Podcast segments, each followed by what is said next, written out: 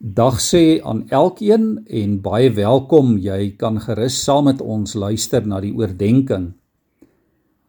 Vanoggend lees ek vir ons uit Matteus 27 van vers 6 tot 10.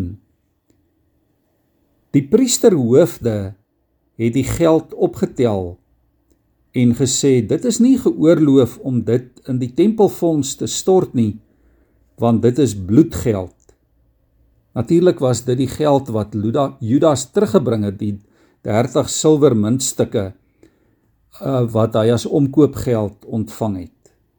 Die priesterhoofde het toe besluit om daarmee die grond van die pottebakker te koop as 'n begrafplaas vir vreemdelinge. Daardie stuk grond word tot vandag toe nog bloedgrond genoem.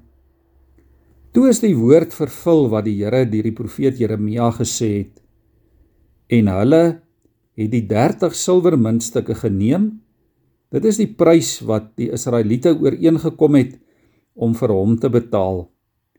En hulle het dit uitbetaal vir die grond van die pottebakker. So het die Here dit aan my opgedra. Ons lees net tot sover. Liewe vriende, gewoonlik lees ons nie hierdie gedeelte oor die priesterhoofde wat met Judas se omkoopgeld die pottebakker se grond gaan koop het nie. Of ons gee nie regtig daaraan aandag nie, ons laat dit so verbygaan. Maar toe ek dit die afgelope tyd weer lees, toe tref dit my hoe skeef en korrup en misleidend en skelm daardie priesterhoofde se denkwyse was. Dit is byna angswekkend maar tog ook lagwekkend.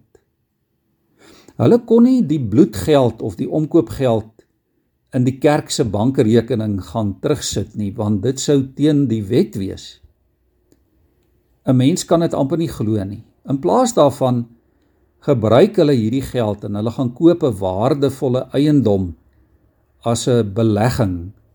Waarskynlik klink dit ook vir ons vanoggend baie bekend. Ja, hierdie priesterhoofde is klassieke voorbeelde van wat dit beteken om die letter van die wet getrou na te volg terwyl hulle self eintlik niks omgee vir ware geregtigheid en vir regverdigheid nie.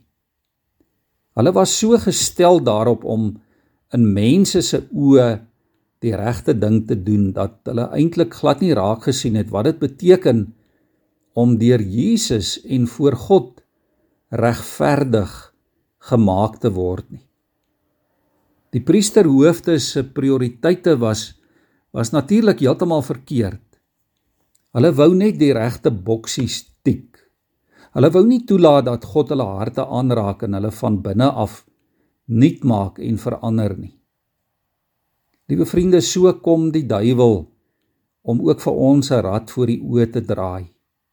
Die duiwel wil met ons koppe smokkel sodat ons ook nie op ons knieë voor God neerval en toelaat dat hy ons harte verander nie. En daarom is dit nodig dat jy en ek onsself afvra in watter mate ons self dalk ook inval by hierdie soort van wêreldse standaarde. In watter mate leef ons self dalk ook 'n lewe van eie geregtigheid en selfregverdiging? Is ek dalk meer bekommerd oor my uiterlike optrede as dat ek die Here toelaat om my innerlik aan te raak en my hart te verander. Ons buig in gebed voor die Here. Hemelse Vader, ons opregte gebed vanmôre is dat U ons sal help om in U teenwoordigheid te lewe. Ja Here, sodat U lig ons hart en ons menswees kan verlig.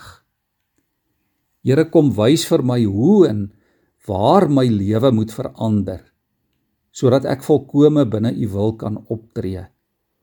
Here help my om nooit my sonde onder 'n dekmantel van vroomheid en skynheiligheid te probeer wegsteek nie, Here. Gee dat ek in alles u wil sal soek en nie my eie geregtigheid of my eie wil nie in Jesus se naam. Amen.